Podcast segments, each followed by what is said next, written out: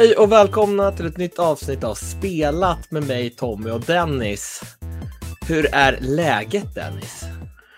Jo men det är bra. Jag är ju mitt i eh, semestern här. Vecka tre av fyra är det ju nu då. Så det, det körde ju ihop sig lite förra veckan så vi fick ju inte till någon bra inspelningstillfälle. Nej, nej det blev lite så här. Båda två skulle iväg men på olika tider typ. Eller ja, Ja. vi fick inte till det. Nej, precis. Och det måste ju finnas utrymme för det med i, Ja, i dessa tider, tänker jag. eller hur? Eller hur?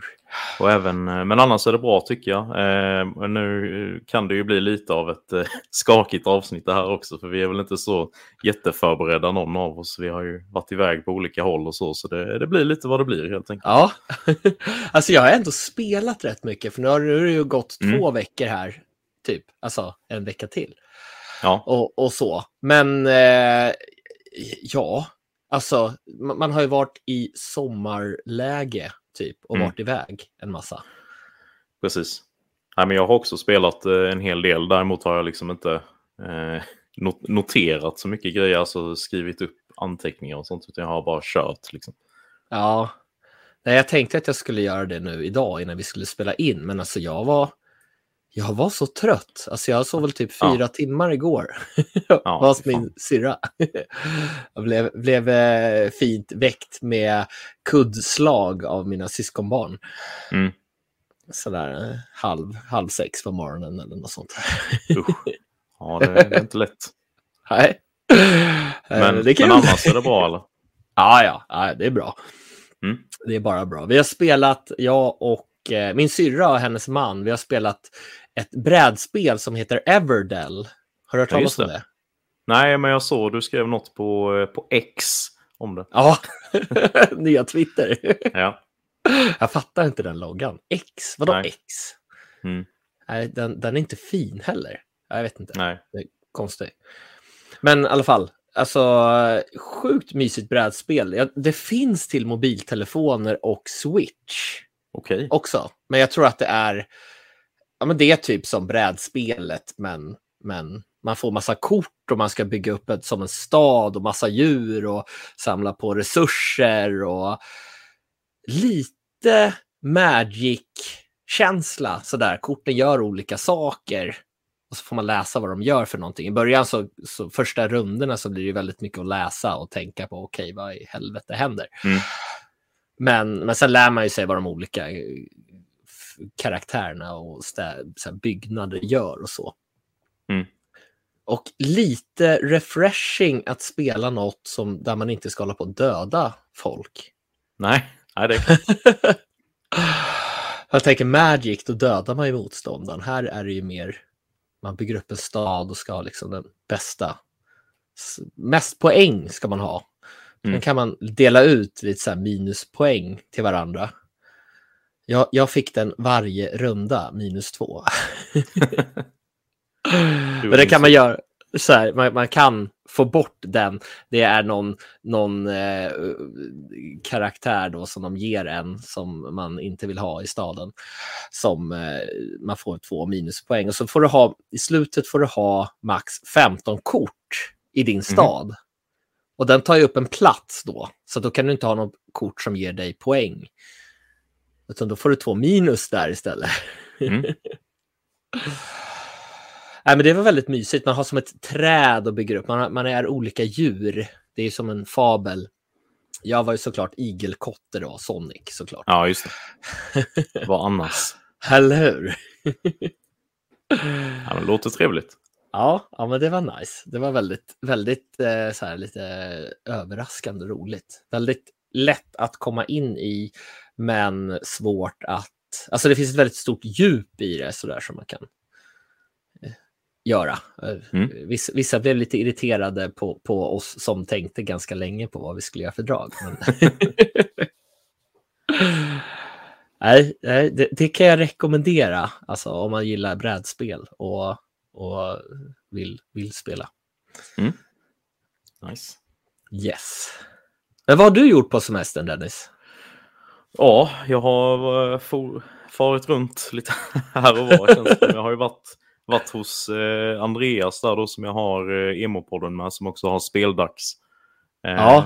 Jag var ju där och sov över en natt med min sambo då, det var jättetrevligt. Härligt. Eh, och sen så när vi, när vi skulle åka därifrån så åkte vi till Falköping där jag besökte en spelbutik som finns där som heter Place. Mhm. Eh, och där fyndade jag ju faktiskt lite. Jag köpte ju eh, Fire Emblem Three Houses eh, Limited Edition till Switch då. För ett eh, Ah. väldigt överkomligt pris. Jag hade ju inte det spelet fysiskt alls, så det var eh, kanon. Du hade inte det alltså? Nej, jag har det bara digitalt. Okej. Ja, det trodde jag. Men du, du började ju samla ganska sent. Precis, köpte ju allt digitalt först, både 3DS och eh, Switch. För jag tänkte det är smidigare när den är bärbar. Ja. Sen spelar jag ju knappt bärbart ändå, så det spelar ingen roll. Nej. men eh, tanken var god. Ja. Nej, så det var jag nöjd med. Det var en trevlig liten butik. De hade, de hade rätt mycket alltså. Mm. Mm. Så den, eh, den kan jag rekommendera om man har vägarna förbi Falköping. Men alltså det finns så mycket sådana där trevliga butiker runt om i landet känns det som. Mm. Jag vet inte, man har sett gaminggrannar. eh, Vad var det de var någonstans? Det var i... Nu står det still i skallen. Jag har en kompis som bor där, men jag kommer inte ihåg vilken stad det är och vad butiken heter. Macapär heter den. Är det Göteborg? Det är Göteborg ja. Ja. Mm. Såg väldigt så här härligt ut. Ja, det är mycket. Det är ofta väldigt eh, stökigt i de där retrobutikerna. Att man liksom får gräva fram grejer och hitta det man söker. Eh, här Men var det det ju mer nästan- liksom att de. Här var det ju mer att de hade som en. Ja, men typ en klassisk skivhandel. Liksom att spelen var liksom ordentligt utplacerade i hyllor och så här liksom. Så det, Ja. Nej, alltså jag tycker väl att det är nice att få gräva lite så kanske man Ja. hittar något guldkorn som ingen annan som varit där och sett och rensat allt redan. nej, så bara finns skräp kvar. Ja, ofta är det ju väldigt utplockat. Ja, man ska komma precis när de har ställt ut nya grejer. Ja, Och hur gör man det? Jag vet inte. nej. nej, det är svårt. Man får nog Ja. känna de som har butiken och ha lite kontakt. Det fanns en butik inne i Stockholm vet jag. Jag tror att den var under marken någonstans.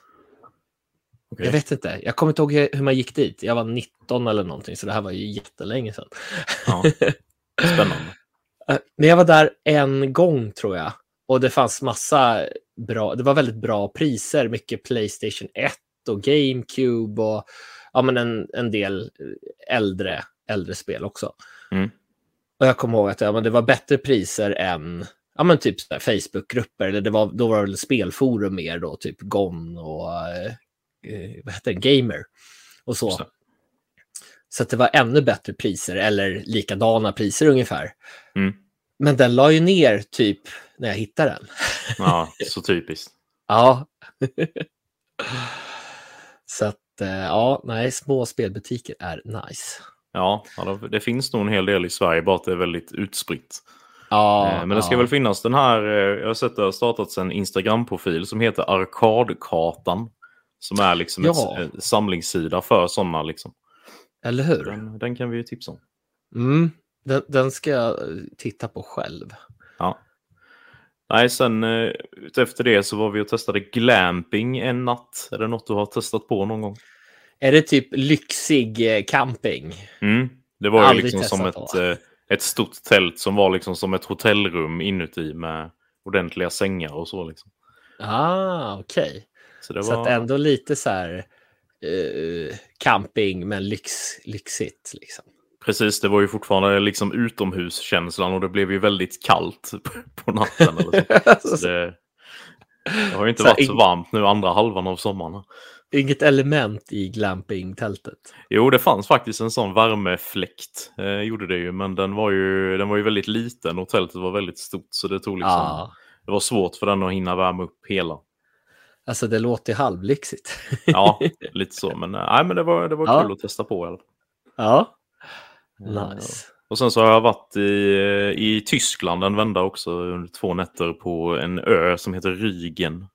Med- Ja, alltså jag blev väldigt förvånad när det dök upp, upp bilder. Var det, jag vet inte om det var Facebook eller Instagram eller någonting. Bara, ah, du var i Tyskland. ja, ja, Discord var det nog jag skickade. ja, ja, just det. Nej, så jag var där med mina föräldrar och sambon då, så det var, det var trevligt även om det var dåligt väder i princip hela tiden. Men eh, det var mycket, mycket fint att se på den ön, så det är Mm. rekommenderat resmål om man, om man är sugen på det. Vad sa du att det hette ön? Rygen. Rygen, okej. Mm. Nice. Ja, det var Eh. länge sedan jag var i Tyskland.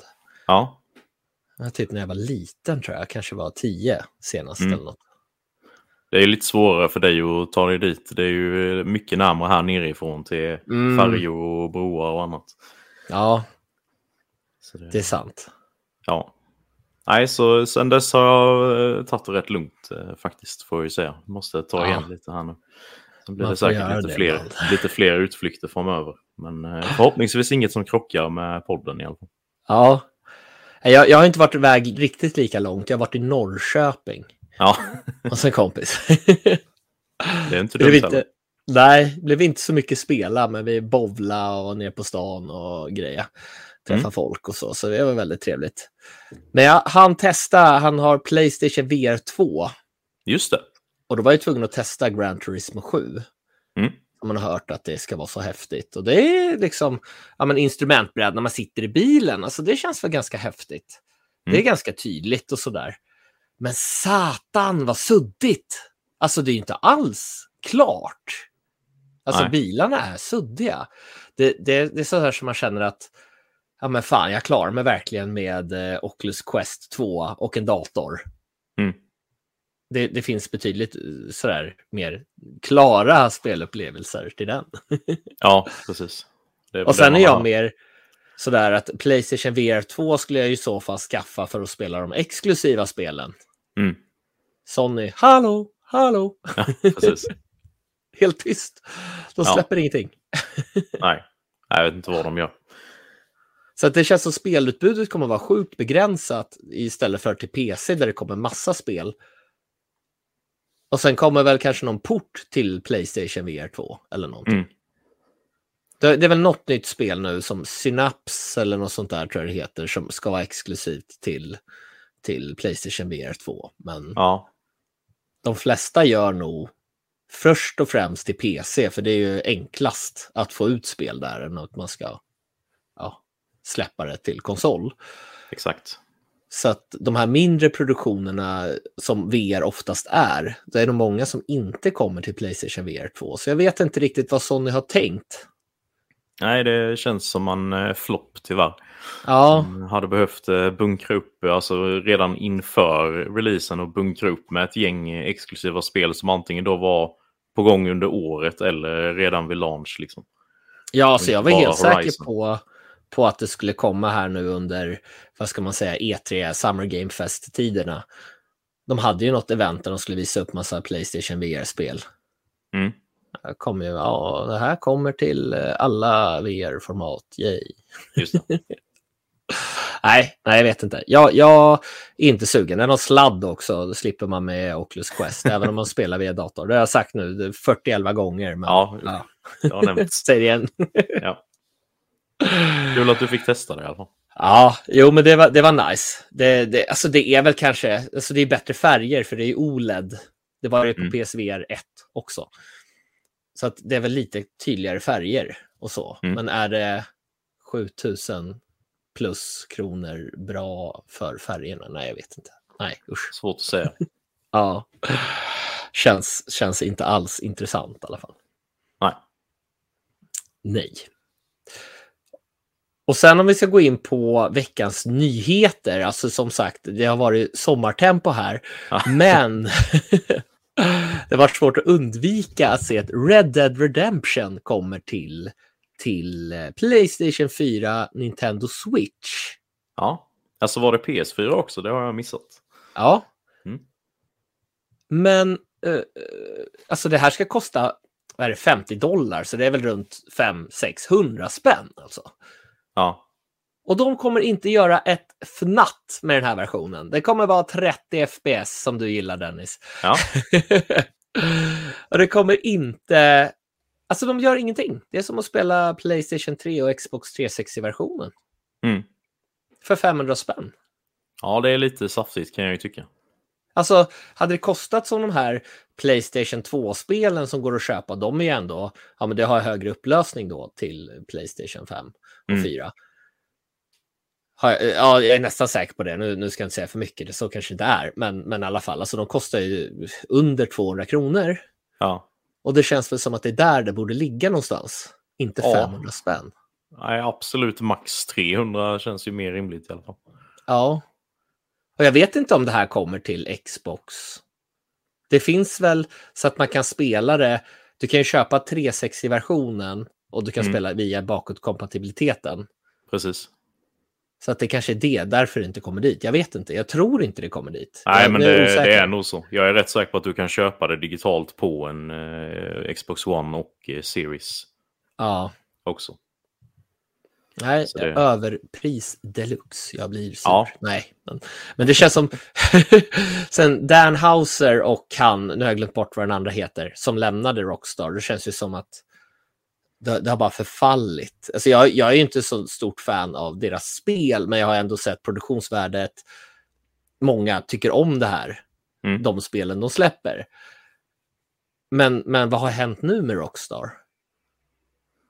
Mm. Ja, jag vet, Jag vet inte. De, de jobbar ju på GTA 6 som säkert kommer vara en otrolig succé. Så jag vet inte om det har gått ut för så mycket för Rockstar. Nej, nej, jag vet inte. Alltså de släppte de in- den här GTA Trilogy som de släppte det. med mobil, eh, mobil eh, versionen som de släppte på Ja. konsolerna som var en, ja, jag vet inte, det var väl en slafsig sörja. Ja, jag, jag har förträngt det känner jag. Jag testade ju eh, San Andreas där på eh, Game Pass. Det var ju ingen, Ja. ingen höjdare. Nej, nej.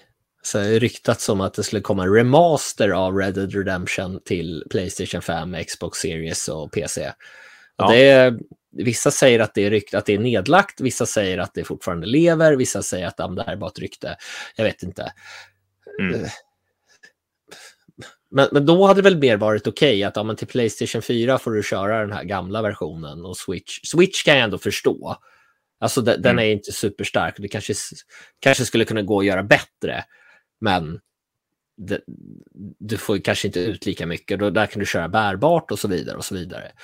Ja, Men till Playstation 4 är som, ja nej. Släpp det inte. För 500 spänn. ja. Nej. Nej, men det är väl det också med tillgängligheten där. Så spel, I och med att eh, PS4 inte var bakåtkompatibel med PS3 så har man ju inte kunnat, om man då bara har kört Playstation, har man ju inte kunnat köra första Red Dead Redemption på väldigt länge. Liksom. Eller överhuvudtaget om man då kom in vid PS4-eran. Men Eh, du kan ju typ köpa en Playstation 3 och Red Dead Redemption för en 500 ja, kan du? Är det så billigt? Nej, jag vet, jag vet att jag har inte koll på Nej. priserna, men Nej. det känns så. Ja, nej, men jag bara tänker att det måste vara något sån resonemang de kör med också. Liksom. Ja, Eh, Med tillgängligheten, att det är därför de tar betalt. Men eh, nej, jag tycker helt klart att det är överpris när det, när det bara är en ren puttning. ja, ja, gör ingenting med spelet. Vi släpper det så här. Ja. Pröjsa. ja, till switchen är det väl eh, godkänt visserligen som du säger. Ja. Det har ju liksom aldrig funnits på Nintendos plattformar innan. Och eh, den är ju svagare liksom. Mm, och där känns det väl som där kanske de behöver jobba lite med spelet för att det ska funka Mm. på en Switch och så.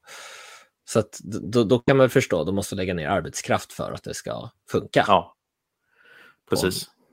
Mm. Yes. Ja. Nej, nu, nu har jag gnällt färdigt. Ja.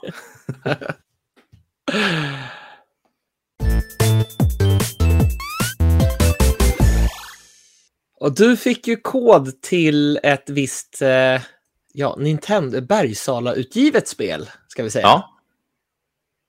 Precis, det fick ju du med eh, veckan innan.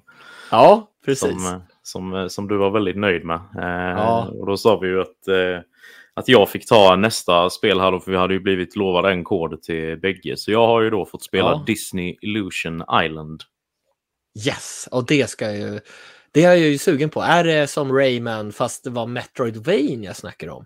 Mm. Eh, det är väldigt svårt att säga hur likt Rayman det är, för det, nu är det länge sedan jag spelade något av de eh, Origins och Legends. Eh, Mm. Men eh, det är ju, ja, vi kan dra lite grundpremiss först då. Det handlar ju om, eh, det är ju Musse Pigg, Mimmi Pigg, Kalanka och Långben liksom. Och de har ju då fått liksom brev från varandra att de ska liksom komma till en, den här Illusion Island då. Men då är det ju en, en hövding på den här ön då som har skickat ut de här breven men skrivit att det är avsändare, eh, ja, de varandra då liksom. Ja.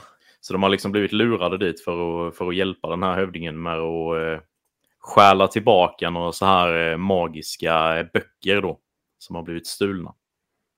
Låter klassiskt Disney. Ja, lite så. Nice. Eh, och man kan ju då spela en, en till fyra spelare här då i co-op. Så jag har ju spelat det med min sambo då, så vi har kört två spelare.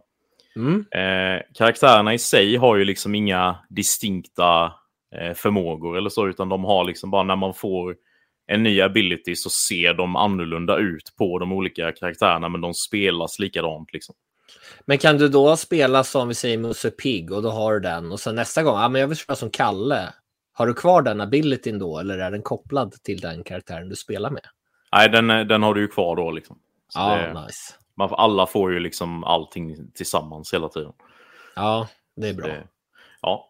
Eh, och sen är det ju då som du var inne på där, ett eh, Metroidvania. Eh, det är ju väldigt så här barnvänligt. Så sätt Mm. att det är ju väldigt enkelt. Och det är Jaha. liksom väldigt så här slow-paced. Eh, det är inte direkt någon combat i spelet heller, utan det är liksom mer fokus på, på plattformande. Att man eh, hoppar runt liksom me- mest. Jag, jag tycker det låter som att jag börjar bli glad att du tog det här. Ja, jag ja, hade men blivit jag- besviken tror jag. Ja, eh, jag, jag tror att du eh, hade nog haft lite eh, svårt för det. Och jag är li- liksom inte riktigt bestämt mig för vad jag tycker heller. Ah. För att, eh, vi, vi spelade ju den dagen det släpptes då, och då körde vi nog en två, tre timmar i sträck liksom. Och tycker det, är, det ser ju väldigt trevligt ut med den här speciella artstylen som Mm. de nya eh, tecknade serierna har då. Eh, och musiken är jättetrevlig också. Och det är liksom så här lite rolig dialog. Det är ju voicead dialog också, det är ju ett plus, eh, plus för dig. Ja. Och det är liksom eh, väldigt, det är väldigt Disney rätt igenom liksom. Men sen när i gameplayet och så, så blir det liksom lite, det är lite för basic kan jag tycka. Eh, nu har vi ju Ja. inte fått alla abilities då, för man, det är ju ett Metrovania så man får ju liksom en i taget. Men det känns liksom som att ja, men vi kan nog harva oss igenom detta i co-op. Liksom. Men hade jag spelat det själv så hade jag nog känt att det är lite för barnvänligt. Liksom. ja, alltså det, det här känns ju som att det hade varit perfekt att spela med mina syskonbarn. Ja, det tror Behöver jag. man hjälpa varandra på olika sätt? Eh, nej, det är det väl inte direkt. Det är ju liksom på vissa passager, du, du har ju lite så här collectibles och sånt som både finns gömda och som du ser ute på banan. Så. Ja. Eh, och du låser inte direkt upp några, du har inget liksom färdighetsträd eller något sånt, utan där har du liksom bara olika samlarobjekt i menyerna. Det finns något, några kort och sånt här som man kan låsa upp och eh, ja, lite eh, art och sånt. Kan man förstöra för varandra? Om man vill. Eh. Alltså kan man vara elak? Knappt. Nej, skönt. Då hade det passat alltså. Ja, precis. Ska köra Fifa där med mina syskonbarn. Det blev, Ja. oj, oj, oj. Jag Precis. blev förbannade när de inte passade. Alltså de blev det på varandra. Ja. Ja, okej, sorry. Jag avbröt dig. Ja, sen finns det ju lite olika svårighetsgrader. Man kan ställa in så här hur många hjärtan man ska ha då. Eh, alltså hur många, tar du stryk så förlorar du ett hjärta liksom. Ja. Eh, Men hur tog du körde ju stryk då? Inte var någon fiende? Det var ingen, eller var det fiende men ingen, du slår, slår dem inte? Jo, alltså det finns ju fiender, men du ska liksom bara liksom ta dig förbi dem eller runt dem eller hoppa eh, på dem så att de blir stunnade Ah. liksom. Eh, Okej. Än så länge är det så. Fan, det kan ju vara att det kommer combat längre fram, men det vore konstigt om det är liksom helt uteslutet till en början. Ja, det låter ju skumt. Och så här, nu kan du... Ja, jag vet inte. Precis. Nej, så man, det finns ju liksom ma- massa så här eh, att det är liksom en, en stor grop med eh, taggiga törner i eller något som du ska ta dig över och då kan du ramla ner där och ta skada. Liksom.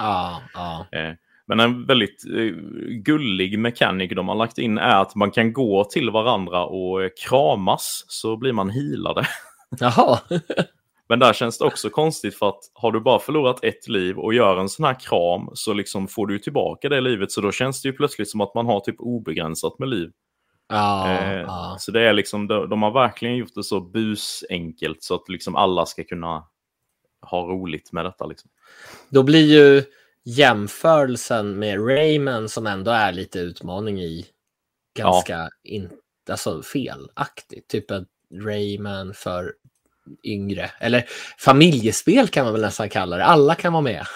ja, men så är det ju liksom. Oavsett eh, ålder. Så, så, det är lite därför jag tycker inte att det är särskilt likt Rayman. För det, Rayman är ju väldigt så snabbt eh, mm. och väldigt, väldigt utmanande. Framförallt vissa banor om man ska ta alla eh, collectibles och sånt här. Mm. Eh, och här är det liksom bara, ja, man, man kommer framåt hela tiden och det spelet känns ganska stort med, alltså lite för stort för att, för att inte direkt bjuda på någon utmaning. Ja. Eh, så ja, jag är lite halvt besviken ändå, får jag faktiskt erkänna. Nej, jag... nej, det är tråkigt. Tråkigt att höra, för både du och jag tyckte att det såg väldigt kul ut. Ja, eh, sen tycker jag ju att de, de levererar ju jättebra på den här liksom Disney feeling. Alltså det känns ju verkligen att det är Disney-producerat mm. både i liksom snygga filmsekvenser ibland och dialogen och hur det, hur det ser ut och musiken och allt sånt. Det är ju top notch alltså. Ja. Men det är ju just att det är, det är lite för barnvänligt. Men det är ju säkert eh, bra för försäljningen också. För det är väl främst riktat till barn. Liksom. Mm. Men eh, för oss som är lite mer rutinerade gamers tror jag att det faller lite platt, tyvärr. Ja, synd. Ja, så eh, ja, men jag tror ändå vi kommer spela lite mer av det i alla fall. Men, eh, ja, men jag har sett ett G på det, för det, det är ju inte tråkigt liksom. Nej, det, nej. Det, det, är ju välgjort och så. Ja, precis. Ja, nej men, nej, nej men precis. Alltså om man hittar det billigt sen, då ska jag nog köpa det och spela med kidsen. Mm. Jag vet ju inte om det, är om det är tänkt att släppas till fler plattformar sen, men just nu finns det ju bara till Switch då och kostar ju eh, ungefär 400 kronor. Och finns mm. ju fysiskt och digitalt. Då. Ja, ja, men då är det ändå relativt billigt ändå. Alltså då ja. är det inte fullpris riktigt. Precis, men jag tror ändå att det ska vara så här en, eh, runt 10 timmar i längd liksom, så det är ju ändå ja. eh, prisvärt så sett, men det är ju just det här med utmaningen. Då. Mm, Ja, jo, men det blir mer en transportsträcka. Okej, det här, jaha. Ja, Vad hände här? Så. Ingenting. Ja. Ja, vill du, vill du dra något du har spelat kanske? Ja, alltså jag, jag, jag funderar på vad jag ska börja med. Men jag, jag, jag sparar Mr Gimmick som har kommit, mm. för det, det är också ett plattformsspel. Och jag tänker Atlas Fallen som släpps. Alltså, det släpps, nu när vi spelar in det släpps det imorgon, men när mm. avsnittet är publicerat så är det ju släppt. Och det här är ett spel som jag har varit lite, lite sådär sugen på. Jag har inte riktigt förstått vad det är för någonting och så. Nej. Men det är ju ett semi-öppet spel, så att det är inte en jättestor värld. Jag vet inte, har mm. du spelat någonting av det? Nej, jag har inte hunnit det ännu. Det ligger installerat. Ja, ja. Och det är en ondskefull gud som folk ser upp till. Men den här guden har ju verkligen så mänskligheten i ett eh, järngrepp. Alltså de här människorna här, de har ganska tufft. För att den här sandiga spelvärlden är mycket brunt, Dennis. Ja, jo, det har man ju förstått på alla, alla förhandsintryck. Den fylls inte, alltså den här spelvärlden fylls inte bara av eh, reliker från förr överallt, skatter och allt möjligt, utan det finns ju blodtörstiga monster som attackerar allt som rör sig utanför städerna. Mm. Och Deck 13, alltså de har ju gjort bland annat The Surge. Har du koll på det? Det här eh, Dark Souls-spelet, typ. Ish. Ja, jag känner ju till det. Det finns väl en tvåa också? Ja, Precis. Ja, men det, det är inget jag har spelat. Eh, varit lite nyfiken på det dock. Ja. Men, men det här det, alltså det är inte en Souls-like det här, men det är ändå relativt utmanande strider. Mm.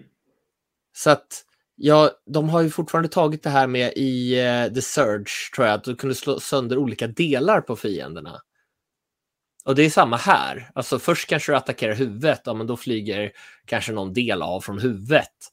Och sen så kanske det är, eh, ja, men om det är någon ormliknande fiende, ja men då ska du kanske attackera svansen och sen eh, ja, men magen och, och lite sådär. Mm. Och du, du kan ofta döda fienderna utan att slå sönder alla delar, men du får bättre loot. Det är större chans att du får bättre loot om du slår, slår sönder mm. alla delar när du dödar de här fienderna. Och den har verkligen ett så här timingbaserat system. Det blinkar till rött då ska du trycka på parry. när, när det lyser rött. För då, då kommer du försvara dig mot den attacken. Ja. Och beroende på hur stark fienden är så förstel, alltså den blir helt stelnad efter ett visst antal parries. Och, och då kan du liksom utföra alla dina attacker som du har. Mm. Och jag tycker att det där funkar ganska bra. De här lättaste fienderna, alltså de stelnar direkt och gör en parry. Men de här svårare kanske behöver tre, fyra, jag vet inte, fy, tre har det varit i alla fall. Mm. Sådär. Så att det har varit alltså, de, de, är ganska roliga de här striderna. För att om det kommer sen massa små fiender samtidigt. Det är som ja, men om vi pratar om Souls-like, är det många fiender samtidigt, då blir svårt. Ja, verkligen. men det är inte riktigt så. Det, men, men då får man försöka ta ut de här små fienderna först och samtidigt blocka och ja, lite sådär. Mm. Så att det... Jag gillar verkligen striderna här. Det känns Ja. väldigt kul. Och du får olika, nu har jag glömt bort vad det heter, men det är någon så här es- essence, eh, orb, eh, någonting. Men Okej. du får massor med olika attacker eller så kanske ger att ja, men det här får du mer liv av och det här eh, får du upp ditt momentum snabbare. Och momentumet är väldigt viktigt för att kunna göra riktigt bra attacker. Så Mm. att om du slår på fienden, då, då bygger du upp det här momentumet, men om den träffar dig så går det ner. Och sen kan de skjuta ut blåa attacker också, de går inte att försvara sig mot, så de måste man liksom kasta sig, dodga undan. Ja. För annars går det här momentumet ner. Och med hjälp av det här momentumet, det finns tre olika grader och där har du på första graden, ja men där har du equippat en attack på första graden. Och sen kommer du upp till andra graden av det här momentumet, ja men då kanske du har equippat en starkare grej. Mm. Och sen när du kommer upp till trean, ja men då är det en ännu starkare grej som du kan använda dig av. Så det gäller verkligen att hålla det här momentumet uppe för att kunna göra starka attacker. Plus att du kan göra en riktig superattack som drainar hela det här momentumet när du gör den. Shatter kallas den för. Så att den verkligen gör mycket skada. Och den gör ju mer skada om du har full mätare än om du har bara uppe på, ja, precis kommit upp till level 2 till exempel. Mm. Så att, eh, och sen, alltså, det är väldigt likt Forspoken i många avseenden. För att Aj, du aj, aj. men, men inte lika tomt, ska jag säga. Nej. och inte lika stort och inte lika så här, mycket eh, dödtid. Det, det är på ett bra sätt likt Mm. Forspoken. För den man spelar som är en så kallad unnamed.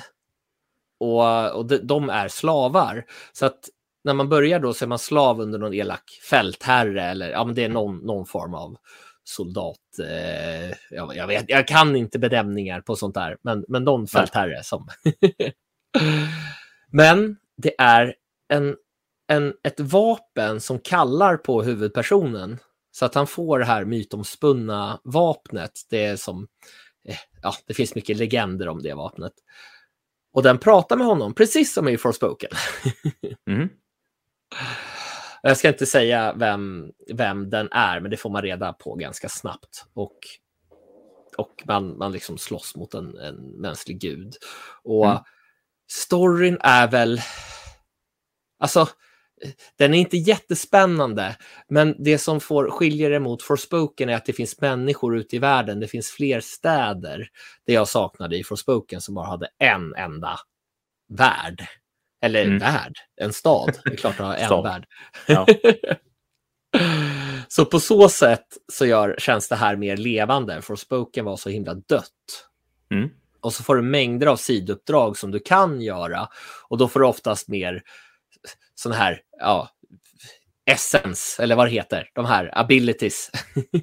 ja, det känns lönsamt att göra dem då.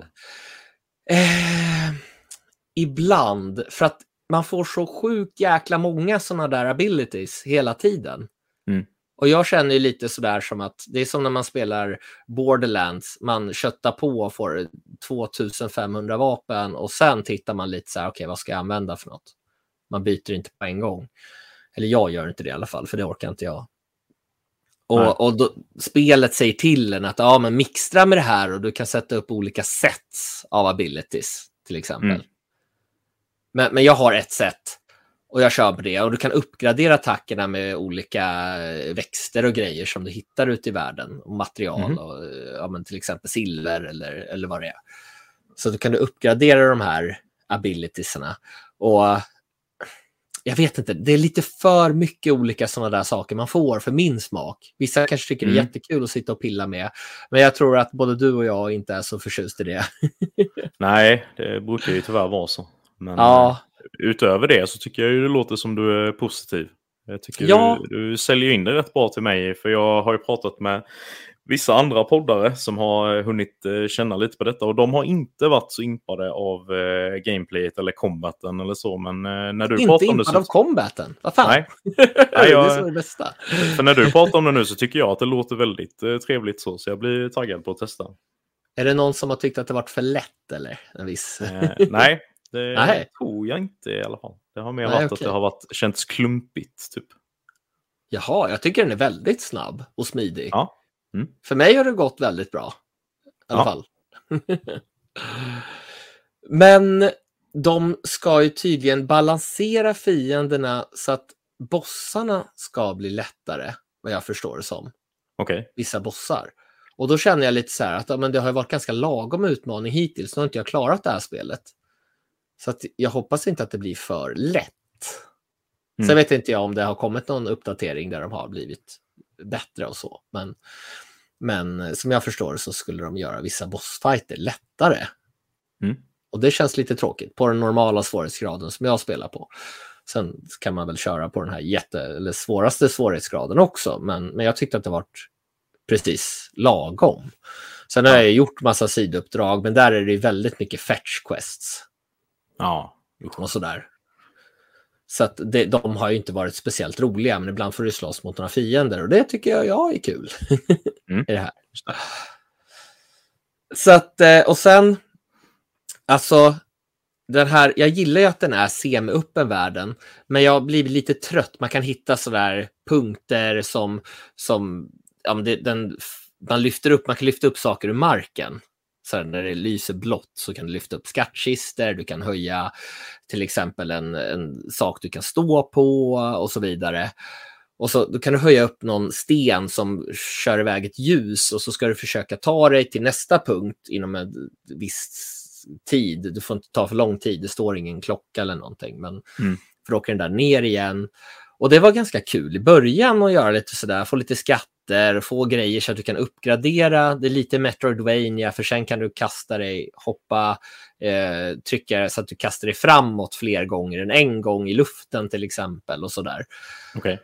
Men jag är lite trött på det där nu. Och man kan hitta pelare som man kan slå sönder och eh, det, det är så pelare för den här onda guden och så ska man slå sönder dem. Ja, lite klassisk eh, open world eh, copy-paste grejer som det finns för mycket av. Helt enkelt. Ja, ja. Och för, för sen kom jag till ett område där det var... Alltså jag tyckte att de första områdena de hade liksom lagom mycket. Jag kunde göra allting och kände att det, det var okej. Mm.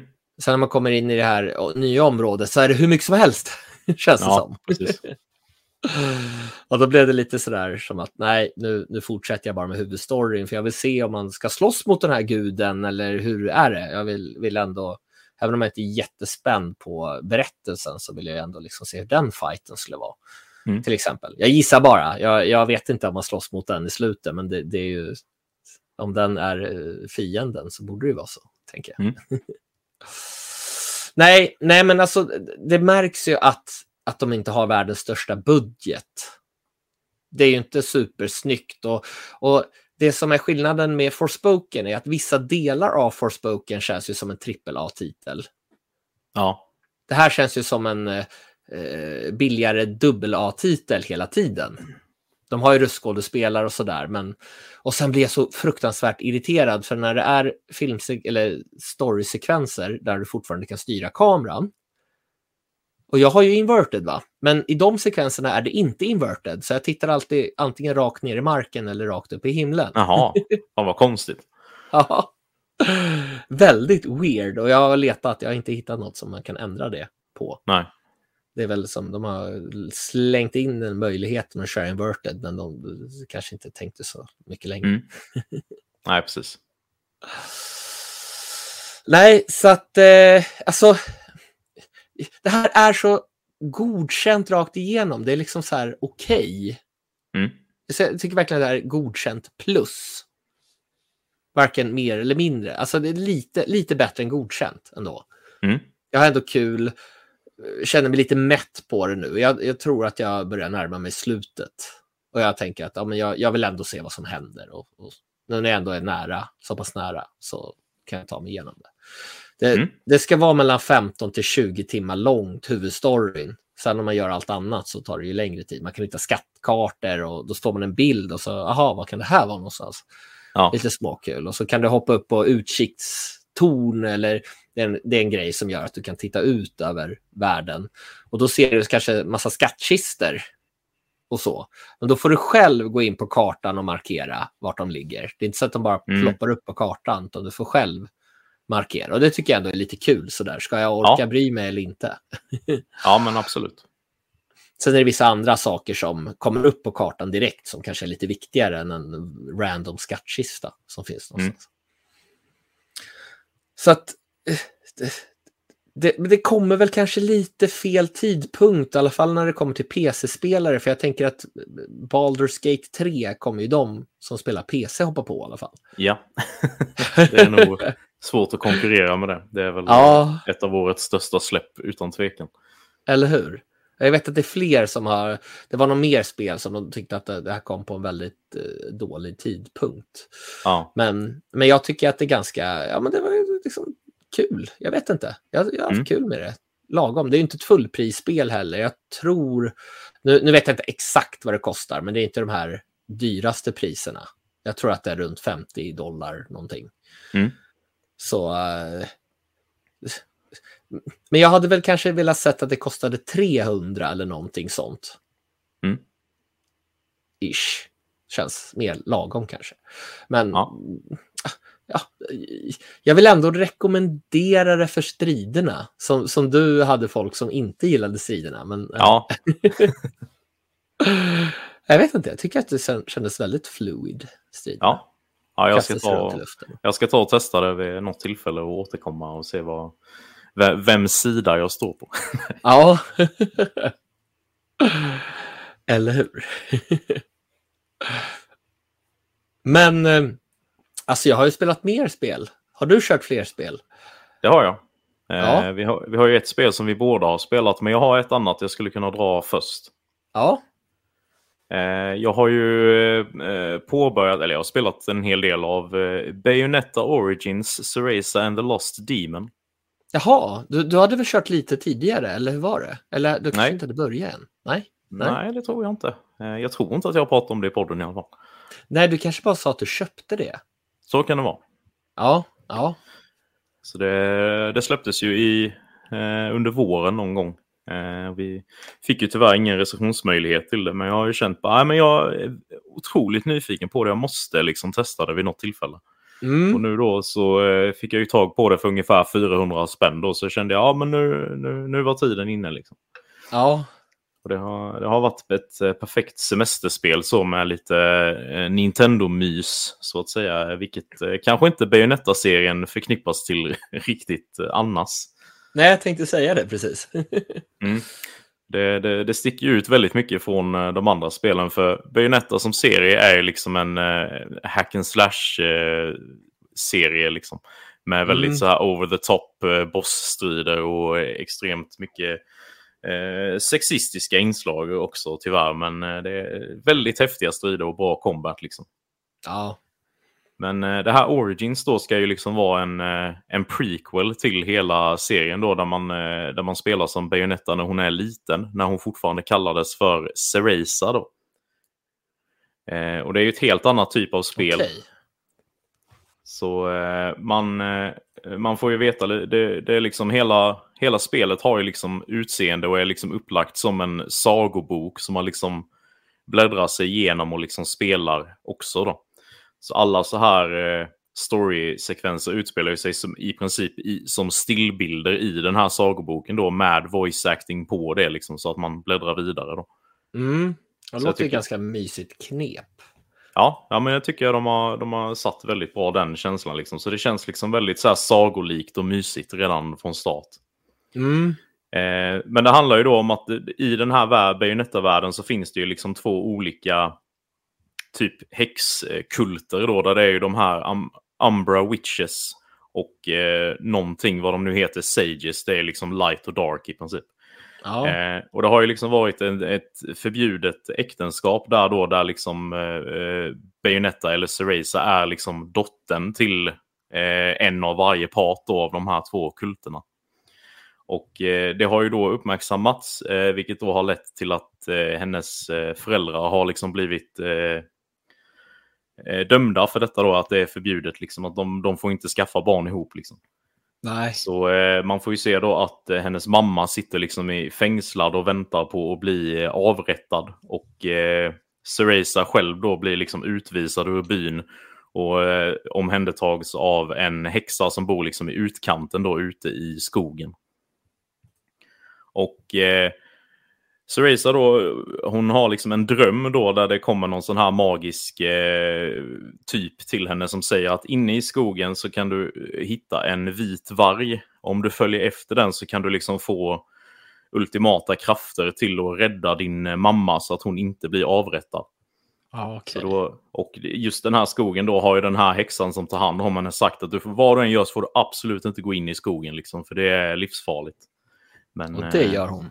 ja, såklart.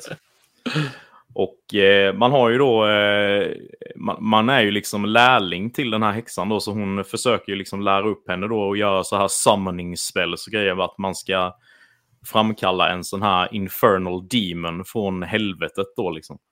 Mm. Eh, och hon misslyckas ju med det, men när hon är väl är ute i skogen sen då så har hon ju sin lilla docka med sig då som ser ut som en katt. Och då ja. lyckas hon till slut då när, när hon är i knipa framkalla en demon då som liksom besätter den här lilla kattgosedjuret. så att den blir liksom gigantisk stor katt då. Eh, så den har man ju med sig och så styr man liksom båda då. Eh, och den här mm. liksom, katten vill ju bara återvända till helvetet för den vill ju inte vara här liksom. Och då eh, tror hon ju att när jag har fått tag på de här krafterna så kan jag skicka tillbaka dig också. Liksom. Ja. Så, så då hjälper de varandra. Och eh, ja, spelet i sig, alltså jag eh, har ju haft höga förväntningar på det. Men inte riktigt vetat vad man ska förvänta sig heller. Man har ju bara sett att det verkar vara ganska så här lite, lite långsamt, mycket pusselfokus och sånt där. Ja, Men, eller eh, hur? Det, det, finns ju väldigt mycket inspiration från Zelda i detta va? Oj, oj, oj. det var ju en väldigt trevlig överraskning att det var liksom eh, mycket inslag eh, från det. Att man liksom kommer in nästan som i de senare Zelda-spelen, att man kommer in i så här shrines då. Där man ja. antingen då ska lösa pussel eller hamna i, en, eh, i ett combat-scenario då. Och sen förstöra liksom som en core i slutet då och komma ut ur den här illusionen. Så det, det är ett väldigt eh, trevligt spel så. Ja, Eh, sen vet jag inte, hade du spelat det här spelet Brothers, A Tale of Two Sons från Josef Fares? Två sekunder till Playstation 3 ungefär. Ja. För där hade de ju ett ganska unikt upplägg, att man styrde liksom en karaktär med varje spak. Ja. Och, så, och det har man ju anammat i det här också då, att man styr liksom eh, Cereza med den ena och den här stora kattmonstret med den andra. Okej. Eh, så låser man upp ganska tidigt då att man kan ha två olika lägen på den här monstret. Och det ena heter typ Ravage Mode eller något. Då springer den runt och är jättestor och kan eh, attackera saker och fiender. Och det andra heter typ Hug Mode. där hon håller honom liksom i famnen då. Och då behöver ah. man bara ah. styra en i taget då, vilket är väldigt skönt. För att det kan bli väldigt rörigt att styra liksom båda spakarna hela tiden. Ja, det, det kan jag tänka mig. Så det är skönt att man kan hoppa lite ut och in ur det. Ja, men då måste det kunna vara ganska finurliga pussel. Man kan använda båda sådär. Ja, men det är det ju. Det är ju ofta så att man ska skicka iväg dem liksom på varsitt håll och göra en syssla, eh, två olika sysslor och så. Så jag tycker det är finurliga pussel. Det har inte varit något sådana här att jag behövt tänka jättehårt kanske, men det har liksom varit så här, ja men mysigt och så här bra ljudeffekter när man löser pusslen och du vet sånt här som jag gillar ah, från, från Zelda-spelen. Ah. Liksom. Och jag tycker storyn är, är väldigt, eh, väldigt bra än så länge. Alltså det är inte så här, det går inte att jämföra med storspel med extremt indragande berättelser. Men det är liksom en mysig liten saga man spelar. Liksom. Mm. Ja, det men det, ju- det låter ju ändå ganska... eh, Alltså det är väl väldigt punkt A till B, låter det som. Ja, alltså det finns ju ändå utrymme för att utforska och hitta lite hemligheter och sånt här. Eh, Men lagom inom lagom gränser, att säga. Absolut, helt klart. Det är ju ganska Ja. sty styrt så, men det finns ändå lite bortom den, the main path liksom. Och det, det tycker jag är perfekt. Det är, Ja. det så det ska vara, känns det som. Precis, det tycker jag också. Jag har ju liksom gjort allting som jag har kunnat göra än så länge. Och det, man har ju två olika eh, färdighetsträd också för de här två karaktärerna då. Mm. Där man kan låsa upp lite olika, typ som en eh, parry och att eh, den, ena, den ena karaktären kan dodga grejer och att man kan ja, göra som en finisher med den här stora katten då. Ja, När man har gjort ett visst antal skada på fienderna. Eh, och fienderna är ju ganska spännande och det är ju typ onda feer man slåss mot i lite olika eh, former. okej. Som kan ha lite typ sköldar och vapen och sånt här. Och det känns ju igen väldigt mycket att det är Bayonetta när man hamnar i strid. För sättet de presenterar fienderna är precis som i Bayonetta att det kommer upp liksom över hela skärmen med någon sån här typ något bibliskt namn så liksom presenterat. Ja, När det är en ny fiendetyp liksom. Så ja. Ja, jag, är- jag är väldigt nöjd med det här spelet eh, so far. Mm. Det, låter, det låter som en liksom hidden gem. Ja, För det, alltså, det har väl varit lite snack om det, men inte jättemycket. nej, det har nog fallit lite mellan stolarna för många tror jag. Ja, Jag tror men det låter som ett har... perfekt... Ja, sorry. Nej, jag, jag skulle säga att det har väl, snittar väl ungefär 8 av 10 i betyg, liksom, så det är ju ändå hyllat så sett. Ja. Men det har inte varit en snackis riktigt. Nej, Känns jag vet, som. inte, jag vet inte om det släpptes vid dålig timing i tätt in på något annat möjligtvis. Eller om Mm. det bara... För det, ja, jag kan inte komma på någon som har spelat detta. Liksom. Nej, varken, varken någon eh, content creator eller eh, privatperson som man haft snack med. Nej. Men eh, nej, jag gillar det eh, starkt än så länge, så jag, jag sätter väl ett VG plus på det. Oj, oj, oj. Ja, det låter toppen. Ja, så det, jag vet inte riktigt vad som skulle kunna få det att klättra till ett MVG, för det är ju lite likt eh, Illusion Island där då så är det ju, fast det är mer utmanande är det ju i alla fall i stri- här har du ju lite strider där du ändå får tänka till och, för där ska du ju liksom röra båda samtidigt och sånt där. Ja, Så det blir ju ändå lite mer stimulans så sett. eh, eh, Men pusslerna och så är ganska enkla, vilket jag inte har något emot. Jag kan bara tycka att det jag kan vara nöjd om det bara är liksom finurligt löst. Mm, Så är, jag, mm. så är jag nöjd än att jag får sitta och tänka i 25 minuter och inte komma på vad jag ska vidare. Det, eller hur? det finns en charm är i båda. Ja. jo, men Nej. eller hur? Ja, faktiskt. På tal om att tänka. Ja, Så jag börjar tänka på Remnant 2. ja, jag tänker vi ska gå dit eh, snart. Ja, Men eh, Bayonetta Origins Cereza and the Lost Demon det är ju exklusivt till Switch då och eh, kostar ungefär 500 kronor. nice. Så det, nej, det är en Ja, eh, nej, varm det- rekommendation. Det är bra pris också. Ja, jag Mm. blir sugen. Det säger många spel. Ja. men, men vi får se om man kanske kan hitta det fysiskt till ett bra pris. Ja, och det finns ju även, eh, det här spelet har ju också ett sånt här bra eh, prolog-demo som man kan eh, ladda ner om man bara vill eh, känna lite på det där man spelar liksom början av spelet. Mm. Sen så tror jag att början av spelet är ganska långsamt. Eh, att det kan vara, många känner bara shit, det här, nu får det hända något liksom. För det var, var på gränsen att jag kände så själv. så det var, man, får, man får bara bita i och hålla ut lite för det, det växer otroligt efter prologen tycker jag. Ja. Har du något annat än eh, Remnant 2 som du vill prata om?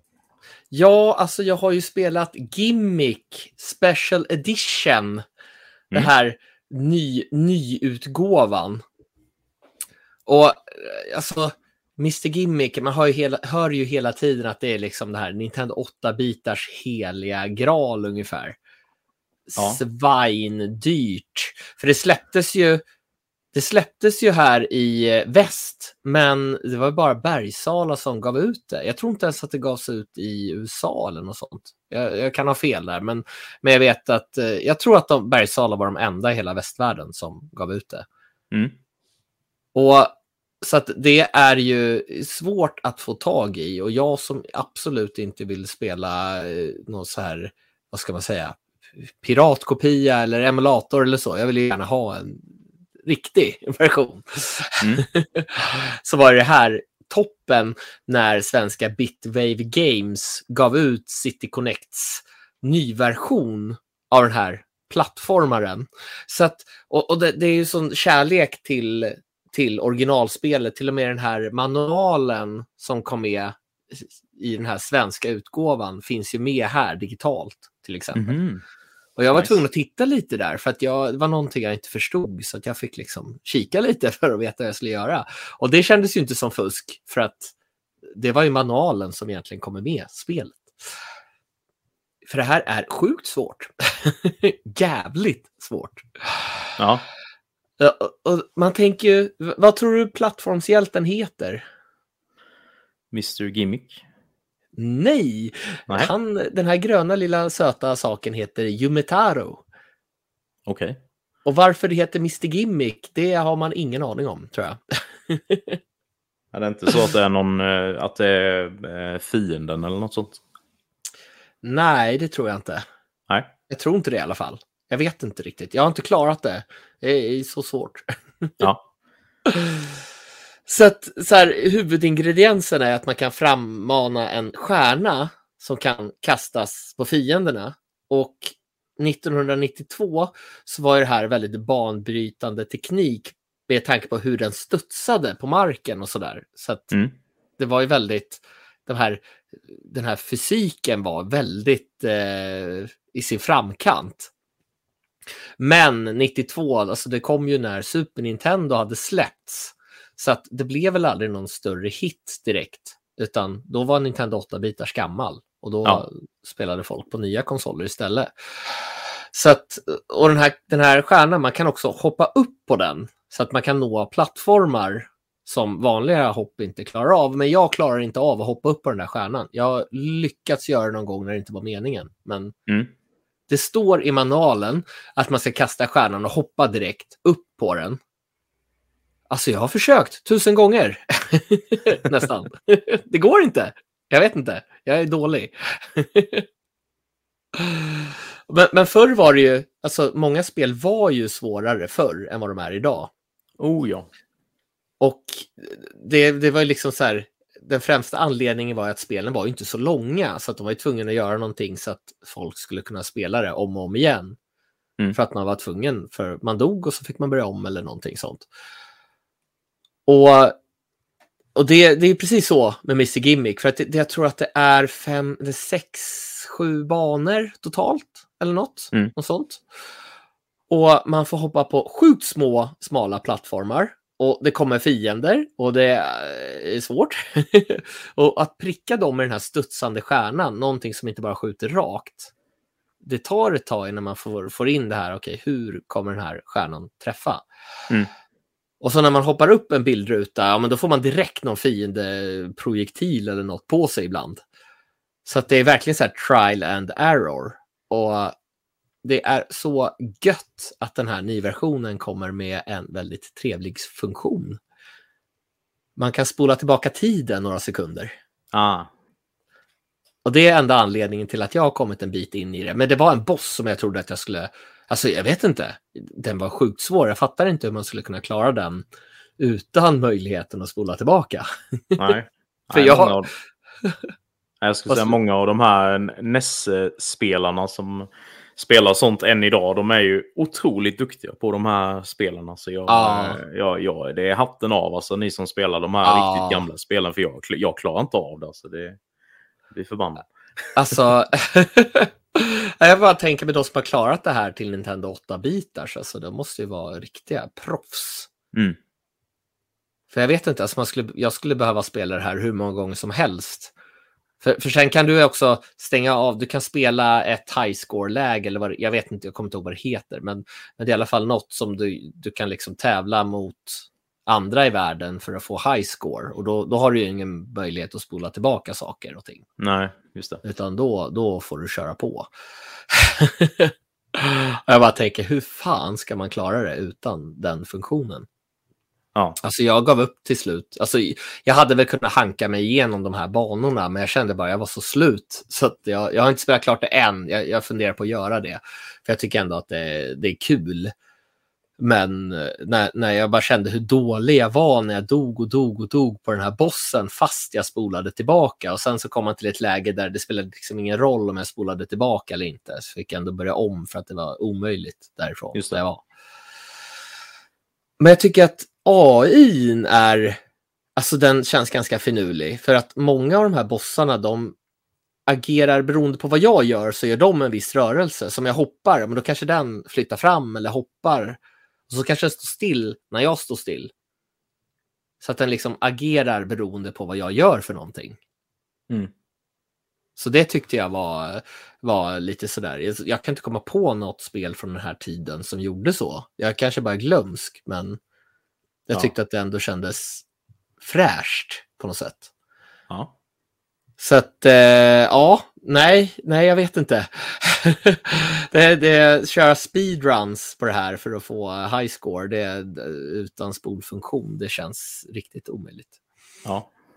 Och sen finns det också hemliga magiska föremål som man kan hitta här också på banorna. Jag har inte hittat något än, men, Nej. men det, det, det känns verkligen som en så här, ren och skär kärleksförklaring till det här spelet. Alltså det känns riktigt nice på det sättet och, och det känns som det perfekta spelet att ta och göra tillgängligt för fler till ett humant bra pris. Mm. ja, verkligen. Och till nya plattformar. Ja, Nintendo Switch, Xbox One och eh, Playstation 4 och PC. Men då, då kan man ju spela på de nya konsolerna också. Mm. När det är bakåtkompatibelt. Och, och jäklar vilket bra soundtrack. Ja, det är så. Det är. Ja, jag tyckte det var grymt. Kul. Ja. Nej, nej så jag, jag tyckte det var kul. Jag, jag kommer fortsätta i... i alltså jag, jag ska nog ta mig igenom det. Men samtidigt känner jag, har jag verkligen klarat det om jag använder spolfunktionen? Nej, precis. Är det verkligen godkänt att klara det på det sättet? Mm. men, men jag tror inte att jag skulle orka lägga den tiden som skulle krävas för att jag skulle ha en sportslig chans att klara det utan den. Jag vet inte. Nej, alltså jag känner ju att eh, när det finns sådana funktioner så är det ju där av en anledning. För jag tror att Ja, majoriteten av liksom moderna spelare kommer inte klara av att spela detta liksom som, som det är tänkt. vi har ju ändå spelat många så här spel förr i tiden. Mm. Jo, du har ju ändå den åldern inne. ja. Sen vet jag inte hur många jag klarade heller. Nej, direkt. Så att, ja. Nej, nej, nej, men alltså det, jag rekommenderar det. Jag tycker att det är kul och eh, jag tror inte att det är speciellt dyrt heller. Sådär, om man jämför med originalversionen, det kostar ju 15 dollar så det är väl ja, men runt 150-160 kronor skulle jag gissa. ja, 60-170, något sånt. något sånt där. Så eh, ja, nej, det, det var en kul, kul uh, spelupplevelse. Eh, Mm. Svettig som fan efteråt. Ja, precis. Och på tal om en svettig spelupplevelse så har vi spelat Remnant 2 också. Mm. Jag med. Både du och jag. Och du har ju faktiskt klarat det också. Ja, jag, jag funderar på, räknas det verkligen om jag har klarat det? För att jag började ju spela själv Mm. en bit. Och sen hoppade jag in i Späckat Tommys och hans kompis spelvärld och körde Mm. därifrån. Och då, de var ju en bit in, längre än vad jag hade kommit. Ja, Men jag har ju fortfarande klarat slutbossen och hela den biten. just det. Så att jag har varit med på det mesta i alla fall, men jag har kanske missat några delar. Ja, Och Satan i gatan var vad kul det var när man märkte att det skilde sig så mycket. För att de hoppade in i, eller eh, en av dem hoppade in och spelade med mig i min värld. mm. Och vi hade ett pussel, ett ganska stort pussel som de inte kom åt i sin värld. Plus en eh, ordentlig bossfight som de inte heller hade varit med om. Och det var delar av banorna som de inte hade spelat heller Mm. Nej, som var i min värld. Så att det verkar, vad jag förstod det på, eh, om jag förstod det rätt, för Tripsix, Kalle då, som vi spelade ettan med, så är det här större skillnader mellan uh, genomspelningarna. Man får ju starta på olika banor till och med, eller världar, beroende ja. på var, ja, vilken roll man får, eller vad man ska kalla det. Eller de kallar det det. Precis. Så att jag fick börja i en eh, Bloodborne-liknande världsdel, världskarta. Jag vet inte om du också fick det? Jo, det fick jag också som var lite slott och så här. Ja, mm. väldigt konstiga, konstig uppbyggnad på den staden om man tänker att det skulle varit på riktigt. ja, precis. Men, men det är bara för att eh, det är ju random, alltså banorna, det är alltid olika, banorna formas ju olika hela tiden. Så de är inte lika för någon. Så Nej. man kan inte säga att precis här finns den här ringen till exempel. Eller, så det, det, är ju lite Soulsborne fast tredjepersonsskjutare. Ja, och ändå lite light på det sättet att du förlorar ju inte något när du dör mer än att fienderna respawnar. Ja, precis. Det är väldigt skönt tycker jag. Ja. Men ändå, när jag spelade själv så var det ju mer en eh, nästan lite skräckspelsupplevelse. Mm. Tyckte jag. Alltså man var ju lite rädd, vad, vad ska komma nu? Men sen när man spelade tillsammans med de andra, när vi var tre, då var det ju inte lika läskigt, tyckte jag. Nej, nej jag förstår det. För jag, tycker, jag har ju kört mestadels eh, själv, eller jag har ju inte kört med med några jag känner, utan jag har ju kört, mitt spel har varit public, så ibland har det liksom hoppat in en eller två randoms då ah, eh, online. Okay. Eh, men då blir det ju också liksom att man känner sig tryggare, typ för att när man kör själv så är det ju väldigt utmanande tycker jag stundvis.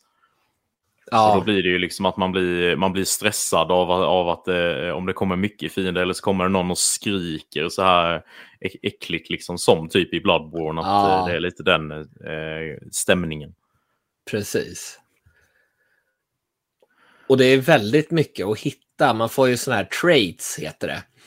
Ja. Och det är ju olika saker. Alltså, du hittar trait points, kanske när du dödar en boss eller när, när du kan hitta det ute efter banan. Det lyser blått någonstans. Okej, okay, hur ska jag ta mig dit? Mm. Och de kan du lägga ut på olika kort som man får. Det kan vara mer liv, det kan vara att din cooldown på din specialare är snabbare och så vidare. Och sen kan du ju göra olika saker i den här spelvärlden som gör att du får nya kort. Mm. Och det kan ju vara som att ja, men just den här världen så kommer du inte åt det här och det här och det här. Du måste spela igenom det flera gånger för att komma åt det. Mm. Och det är ju kul. som har hoppat så här fram och tillbaka. Jag har inte hängt med i storyn kan jag säga. Det är väldigt snurrigt när storyn är olika i de båda spelen när de pratar om saker och, och samma ja. sak fast på olika sätt. ja, alltså jag tycker inte att storyn är så jättevass överlag heller. Jag tyckte typ till en början så att det började ganska spännande att de eh, man börjar ju spela direkt som några karaktärer som letar efter det här Ward 13 då, som de har hört talas om och det kände vi ju igen då från första spelet. För det är ju liksom den centrala hubben i båda spelen. Mm. Eh, och så kommer de ju dit och bara åh shit den finns på riktigt liksom. Eh, och så är det ju en, den här din karaktärs kompis då försvinner ju väldigt tidigt. Så att du måste ju liksom kasta dig ut via den här stora stenen då så teleporterar du in i olika världar och ska liksom hitta henne. Ja. Eh, och sen... Jag undrar om det är så i varje roll om hon försvinner eller om det, hon inte gör det i vissa. Jag vet inte. Ja, jo men det tror jag nog att det är, ah, okay. att det är samma. Det är ju liksom i prologen det sker. Så det, mm. Jag tror inte det hinner distans eller bli någon eh, differens så tidigt. Nej, okej. Okay. Eh, men ja, sen eh, tar ju storyn en, eh, en ny riktning lite längre fram. Då, då har jag liksom börjat eh, zona ut lite, att jag inte hänger med riktigt. Börjat skippa lite dialog och så här. Så det, men jag tycker ja. det är skitkul att spela ändå. Liksom. Det, det gör liksom inget att man inte hänger med i berättelsen. Det känns som man får rewards hela tiden. Du hittar ringar, det lyser något lila där framme och det är någon ring du kan hitta och, och du hittar grejer så du kan uppgradera vapnen. Och... Ja, det är väldigt beroendeframkallande att liksom utforska varenda litet hörn på varje ja. bana man kommer in i. Och det finns ju många så här, du, du, på en bana så hittar du oftast olika utgångar som leder till även de då randombaserade delar av den nuvarande världen. Då.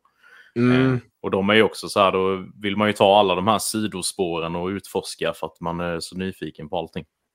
Och så väldigt mycket pussel. Mm. Och det är ju det är inte så här att det står typ att ja, så här, det här och här, så här ska du tänka eller någonting, utan det är bara okej, okay, det är något där framme. Hur tar jag mig dit? Vad behöver jag göra? Det är en låst dörr här. Hur ja. hittar jag den? Och här är det saker du kan hoppa på, men det är ganska omöjligt. För det här är ju inget plattformsspel om man säger så. Hoppa är kanske inte på små, små plattformar. Det går inte riktigt i det här spelet. Hur ska man lösa det? Och det var ju skitkul när vi var tre stycken och sprang runt på banan och försökte fnula på hur löser man det här? Så hittar man en detalj. Kan det här vara någonting som rör pusslet? Är det här någon, det, det är någon symbol här? Kan det ha någonting med någonting att göra? Ja. Och man liksom satt där och snackade och försökte lösa det tillsammans. Mm. Men, men, om man inte gillar att lösa pussel så är det oftast, det är oftast sidogrejer man hittar. Det är inte så ja. att du måste göra de här pusslen för att ta det vidare. Nej, precis. Sen, sen är väl bossarna, de är ganska lätta om man jämför med Soulsborne-spel. Det var någon boss vi fastnade ordentligt på. Ja, jag tycker det har varit ganska bra eh, utmaning för det mesta. Men då har jag ju varit själv för det mesta ja. också. Jo, jo, jo, men precis. Jag har ju kört de flesta bossfighterna tillsammans med två andra. Så att... mm. men, men det ska ju scala, men det är ju samtidigt, är du själv så har du ju aggro från fienden 100 procent. Ja. Exakt. Jo, men det har jag märkt där, för det var någon boss jag satt fast på, så fick jag ju in eh, både en och två spelare vid tillfällen då, så det var det fortfarande väldigt svårt. Men då märkte jag, för just den här bossen hade liksom som bollar som spanade fram och som sköt på en och ju fler spelare man var desto fler sådana kom det fram åt gången. Mm. Mm. Så det scalar ju absolut så på ett eller annat sätt. Ja, och det är ju bra så att det inte blir för ja. lätt om man är flera stycken. Nej, precis. Nej, jag, vad tycker du om eh, gameplayet i sig då? Alltså, det har, det har också en del påpekat att det känns liksom otajt eller så, men jag upplever absolut inte det. Jag har inte märkt någonting att det varit otajt. Alltså jag tycker att jag, där jag skjuter, där träffar jag. Visst att det kan bli lite spridning på skotten, men det är ju beroende på att det är recoil. Mm. Så är det inte så konstigt att det blir lite spridning. Men det, jag tycker att det har varit väldigt mycket, det är väldigt mycket auto-aim. Ja, det är det På. Så att det är inte så svårt att träffa dem, utan det är mer sådär undvik deras attacker och skjut. Ja och träffa deras svaga punkter. Men det är ju ganska, hittar du den så är det inte så svårt att träffa dem. Nej, precis. Så att det, det, det har jag absolut inte känt som något problem. Nej, Nej jag tycker gameplayet, alltså combat och allting är jättebra. Liksom. Det känns skitkul att spela hela tiden. Ja. Eh, mina enda problem med spelet egentligen är att jag tycker det är väldigt mycket som liksom är väldigt dolt. Eh, typ som att hela den här grejen med att du kan lägga till en sekundär klass mm. är ju liksom inget som du får förklarat för dig egentligen. Det finns liksom vissa hintar om det, men det är liksom väldigt otydligt hur du går tillväga och så. Det tycker jag är nice. Alltså. men du fick i och för sig hjälp med det från uh, någon annan. Men det är lite så här, man pratar om spelet, man hjälper varandra, tar sig vidare, hittar grejer. Ja men, men det är ju mer en co-op co, co, upplevelse på det sättet. Att man liksom ja. pratade med varandra om hur man gör saker. Jag kanske inte får det skrivet på näsan med någon text, men, men om man sitter själv och kanske inte förstår det alls och vad är det här för grej du kan köpa in hos handlaren? Det står inte riktigt vad det är för någonting, men Precis. du kan låsa upp en klass med det, den grejen, men du har ingen aning om, om det egentligen. Nej, och likadant en sån grej som att man kan eh, upp, eh, öka antalet heals. Man kan göra var ju också så här, jaha, hur, hur gör jag det då? Och det var liksom inte heller något som jag fick förklarat. Ja. Så där fick jag ju fråga, jag frågade ju eh, Emil om det tror jag. Han bara, ja men du gör så här och så här. Jag bara, jaha, det var ju... Ja. Så där ser man. Liksom. Det har jag aldrig räknat ut. Så det känns som att kör man det själv så blir det, för det, Eh, då är man ju lite mer orolig med att göra fel med allting och sånt här. Så då kanske det blir att man mm. googlar mer liksom hur man gör saker och ting. Men kör man i Men så blir det mer snack som du säger. Men är inte det lite som i Elden Ring? Du får inte saker och ting förklarat riktigt utan du få upptäcka det själv. Ja, på, på, sätt och vis. Fast jag, där tycker jag ändå att man kunde läsa sig till det mesta vad det gör och sånt där i spelet. Ah.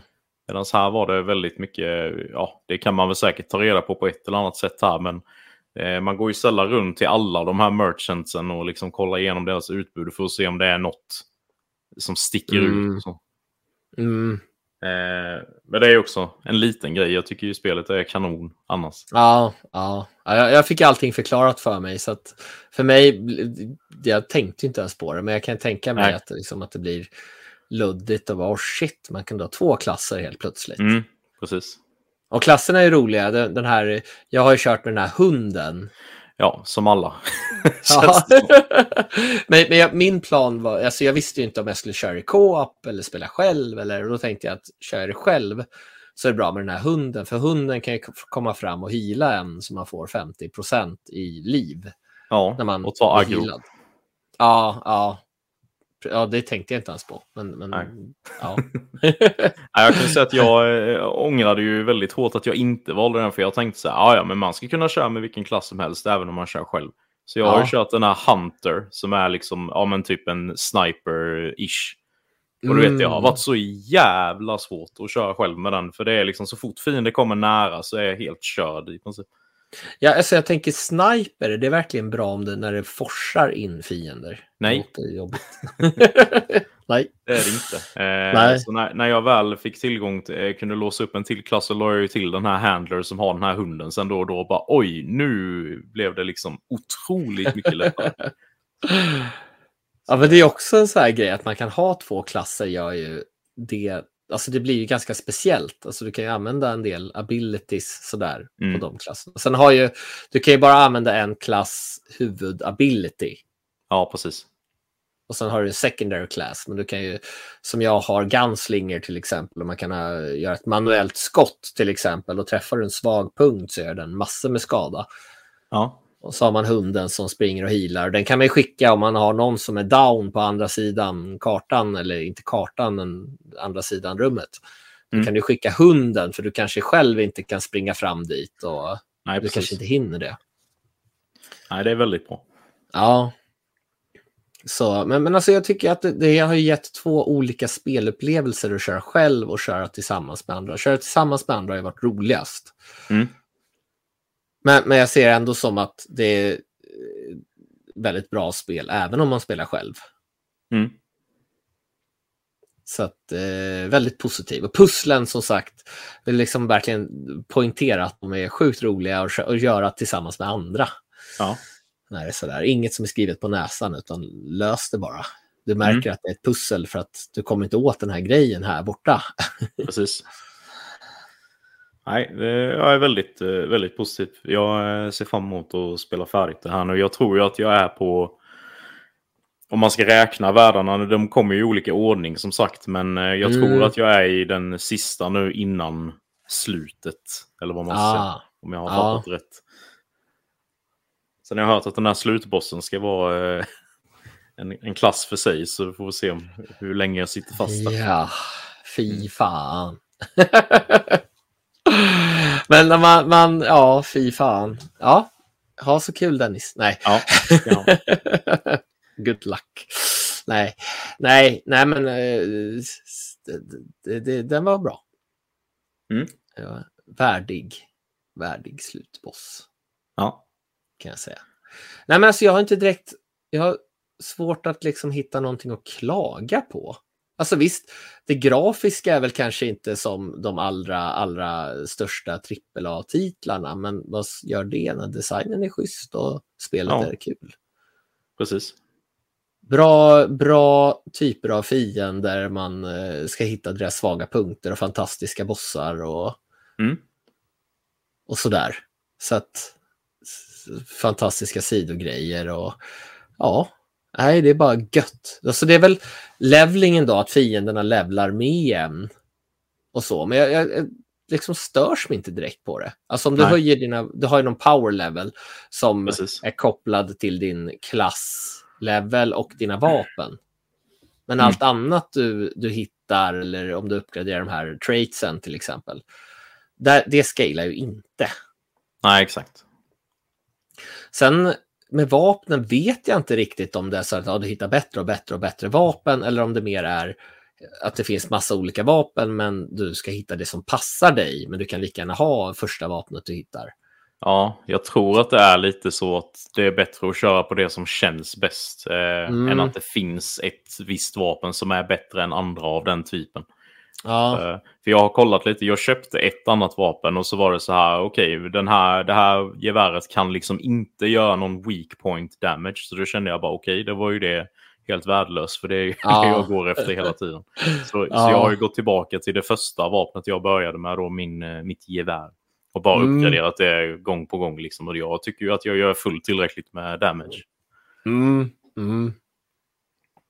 Nej, Nej, jag tycker det är kul. Och så, sen, sen behöver du inte köra om hela spelet om du vill uppleva allting på, på de olika rollsen, de mm. olika världarna. Så behöver du inte köra om hela spelet, utan det är som en... Jag, jag har förstått det som att det är kortare där. Jag vet inte, eller om det bara är att om nu kör vi just den här delen av den här världen. Ja. Jag, jag, jag, är lite kluven till hur det funkar, men vi, vi har testat en gång att köra i det, adventure mode. Tror jag ja, det var något jag låst upp nyligen. Mm. Men jag har inte fördjupat mig i hur det fungerar. Och så höjde vi svårighetsgraden och så där. Och så, så antar jag att man får bättre loot och så. Ja. Så att, nej, men det ser fram emot att fortsätta även efter att det var klart. Jag tror att det ska vara ungefär 11 timmar, 12 timmar långt kanske. Men jag tror det tog 19 timmar för oss, men då gjorde vi ju alla sidogrejer och sånt. Ja, ja jag, jag har fler timmar än vad ni hade nu kan jag säga. Ja, ja. Jag satt ju fast på en boss. Jag tror jag la tre, fyra timmar totalt på samma boss. Eh, rätt tidigt. Då. Lycka till. Nej, jag skojar. Ja, precis. Jag ja, ja. Nej, jag hoppas det går bra. ja. ja. Nej, eh, VG plus får de mig. Ja, jag håller med. Mm.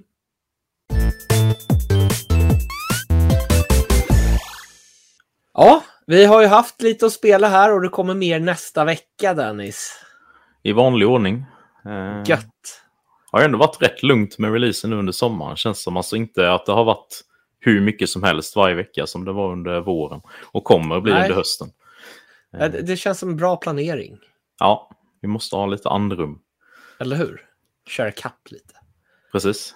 Eh, men ett spel som kommer den 15 augusti är Moving Out 2 som är ett eh, uppföljare till det här co-op-spelet där man spelar som en flyttfirma och ska flytta ut massa möbler ur hus eh, på finurliga sätt. Ja. Så det vet jag ju att, vi, att i alla fall jag kommer testa. Mm, det ska jag också göra. Ja, och det släpps ju då till Playstation, Xbox, Switch och PC som cross-gen där då. Party game. Ja. Sen så kommer samma dag ett spel som heter Wayfinder till Playstation och PC. Eh, som jag inte just nu kan komma på vad det är för spel. Känner jag tänkte till... Viewfinder, men du, vad, vad, var det du spelade? Du, ja, du... precis. Viewfinder, Wave... Oj. Det här blir någonting som man blandar ihop då. Ja. ja Wayfinder verkar vara något eh, MMORPG. Eh, helt nytt. Ja, ja, ja just det. Jag tyckte jag såg någonting om det. Jag tänkte, vänta nu. Det var väl det du spelade, men nej. Ah, nej. nej. Noll koll. Det var något som var med på Summer Game Fest. Det ser väldigt färgglatt ut och så här, men eh, det finns ju ingen tid för att köra ett MMO-spel. Alltså det Nej. Drunknar ju i timmar. Då. Ja. det var värt att nämna i alla fall. Ja. Kul att det kommer till konsol också. Eller Playstation mm. då i alla fall. Mm. Ja, men det är nice. Väntar fortfarande på World of Warcraft i konsol. Jag får fortsätta vänta. ja, det kommer nog aldrig hända. Nej. Eh, och sen den 17 augusti så kommer ju den här nysläppet av Red Dead Redemption då som du nämnde till PS4 och Switch. Fy fan. Moving on. eh, och även då den 17 augusti så kommer ett spel som jag tror vi har nämnt lite i förbifarten. Eh, Shadow Gambit The Cursed Crew. Det här känner jag igen. Det måste du ha pratat om förut men jag har noll koll just nu. Nej, men det verkar vara något sånt här lite taktiskt eh, rollspelsaktigt med typ spökpirater. Mm. Det, det, jag tycker att det har sett rätt så spännande ut. Ja. Får se om det är något vi kan hugga tag i eventuellt. Ja. Eh, släpps till PS5, Series X och S och PC. Gött. Sen så kommer ju det här tokhyllade av alla utom oss, eh, Vampire Survivors till Nintendo Switch den 17 augusti. Vampire Sur- Ja, det är det där eh, shoot em up-spelet där man inte skjuter själv utan du bara kör runt. Ja, Ja. som eh, jag tror att Späckat hade det som sitt Game of the Year förra året. Ja, jäklar. Det måste ju ha någonting alltså. Ja. Jag, jag kan verkligen inte se det utifrån, men eh, det kanske man måste prova vid något tillfälle. Ja, jo, men det känns ju lite så eftersom att det är tokhyllat. Det kanske det låter sjukt tråkigt, men det kanske det inte är. Nej, precis. Vi får se.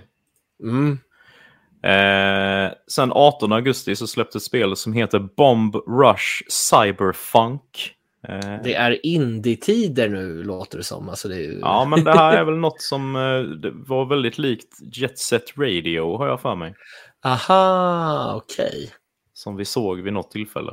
Eh, Mm. som, som bara släpps till Switch och PC. Kan vara något. Ja, jag är lite sådär eh, ibland när det släpps de här som liknar de här klassiska spelen och så är de inte lika bra. Mm. Eh, Jag vet inte, det här kan vara skitbra också i och för sig, men då måste Nej, det vara kvalitet. Ja, precis. Inte en aning, vi får se. Mm. Det är en härlig art style i alla fall. Yes. Eh, och sista vi kör här då är ju det här The Texas Chainsaw Massacre den 18 augusti.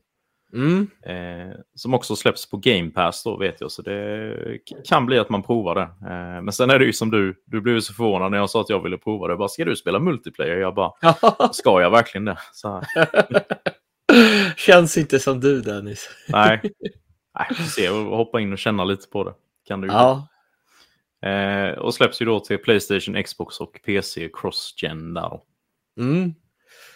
Var det någonting du blev halvsugen på eller? Alltså det där piratrollspelet eh, där, vad hette det nu igen? Shadow Gambit. Ja, Shadow Gambit. kanske kan vara lite kul.